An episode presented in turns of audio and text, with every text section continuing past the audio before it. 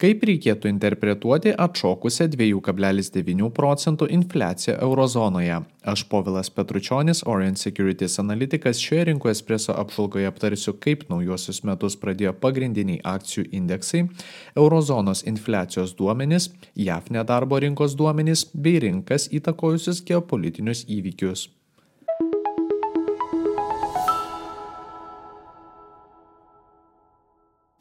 Svarbiausi praėjusios savaitės įvykiai - Junktinės Amerikos valstijos, tebesitėsintis geopolitiniai neramumai ir nevienareikšmiški darbo rinkos rezultatai.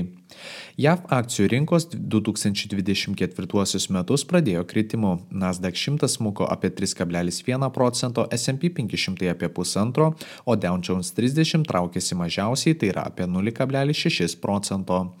Prie Nasdaq 100 indekso nuosmukio reikšmingai prisidėjo beveik 6 procentų Apple įmonės akcijų nuosmukis paskatintas naujienų, kad skirtingų institucijų analitikai sumažino įmonės akcijų tikslinę kainą. Be to, šią savaitę buvo pastebėta kapitalo rotacija į sektorius, kuriems 2023 metais sekėsi prasčiau. Tai yra komunalinės paslaugos, energetika, būtinojo vartojimo prekes ir sveikatos apsauga.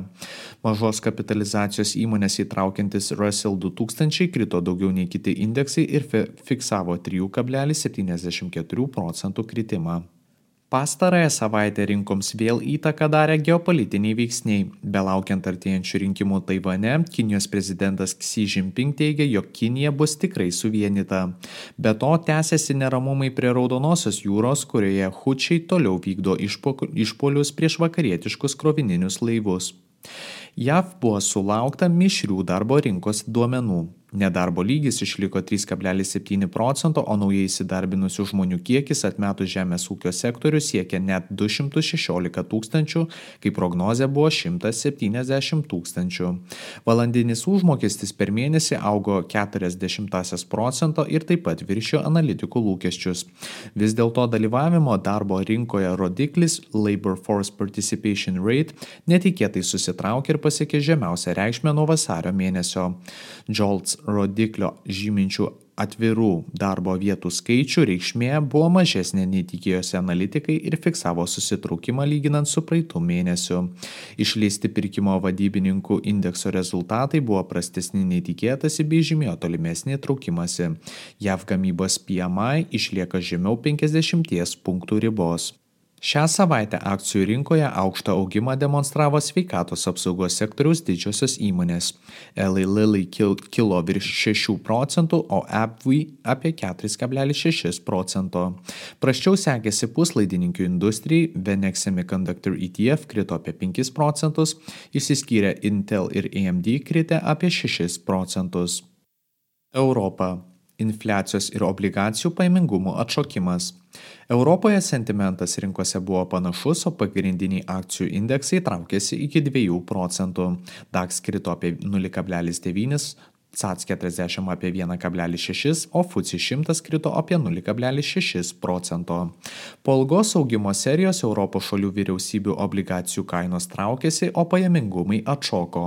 Vokietijos 10 metų trukmės obligacijų pajamingumas nuo 1,9 procento atkilo iki beveik 2,2 procentų lygio.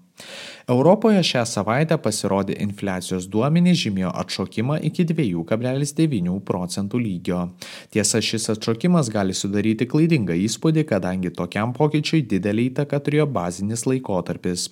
Bendroji tendencija yra dezinfliacinė ir trumpesniojo laikotarpio infliacijos rodikliai žymėjo mažėjantį augimą. Be to, infliacija atmetus maisto ir energetikos kainas traukėsi toliau nuo 3,6 iki 3,4 procentų lygio. Eurozonoje buvo užfiksuotas gamybos pirkimo vadybininkų indekso 0,2 punkto atšokimas iki 44,4 punktų lygio, kuris vis dar išlieka žemiau 50 punktų ribos.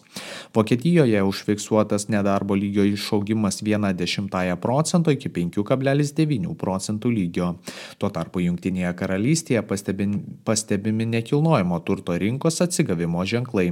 Namų kainos per mėnesį išaugo 1 procentų procentų ir viena dešimtąją, o per mėnesį patvirtintų būsto paskolų skaičius siekia net 50 tūkstančių. Šią savaitę Europoje augimui išsiskyrė Vodafone, kilęs apie 2,7 procento, bei Danon augęs apie 3,12 procento. Prastą savaitę išgyveno Prancūzijos prabangos prekių sektorius po to, kai UBS analitikai pranešė apie pesimistišką 2024 m. šios industrijos augimo prognozę. LVMH krito apie 6,1 procento, Erme apie 5,16. Azija. Žemės drebėjimas Japonijoje ir Kinijos nekilnojamo turto sektoriaus iššūkiai.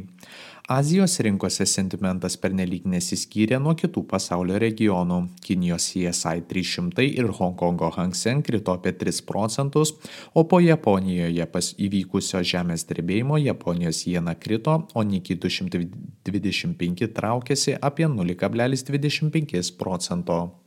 Iš Japonijos pasirodė sukrečiančios žinios apie įvykusį 7,5 balo žemė, žemės drebėjimą.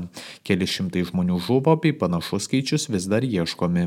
Svarstoma, jog šis įvykis gali prisidėti prie Centrinio Japonijos banko monetarinės politikos ir pavėlinti galimą sprendimą pakelti palūkanų normą dėl poreikio atitaisyti žemės drebėjimo padarytą žalą. Reaguojant į šios įvykius, Japonijos jena krito JAV dolerio atžvilgių ir pasiekė 145 jenų už dolerį lygį. Belaukiant šunto, tai yra algų persidėrėjimo laikotarpio, Centrinio banko vadovas Ueda išreiškė pasitikėjimą, jog Japonija peržengė ilgą laikotarpį besitęsusi mažos infliacijos ir mažo ekonomikos augimo etapą. Kinijos nekilnojamo turto sektorius toliau susiduria su krentančiomis kainomis, statybų darbų nukelimais bei statytojų bankrotais.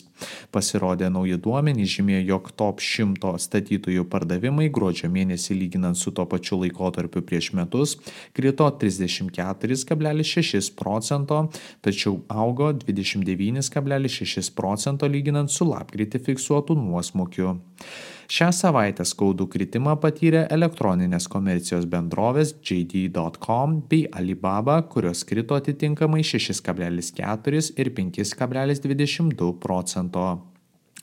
Japonijoje augimui išsiskyrė pagrindiniai automobilių pramonės vardai. Toyota kilo apie 4,28 procento, o Honda 4,37. Ateinančios savaitės įvykiai. Antradienį duomenų apie priekybos balansą sulauksime iš JAV. Analitikai prognozuoja, kad priekybos deficitas sieks 65 milijardus JAV dolerių. Ketvirtadienį JAV praneš apie infliacijos pokytį per gruodžio mėnesį. Tikimasi, kad metinė infliacija pakils nuo 3,1 iki 3,3 procentų, o infliacija atmetus maisto ir energetikos kainas kris nuo 4 iki 3,9 procentų lygio.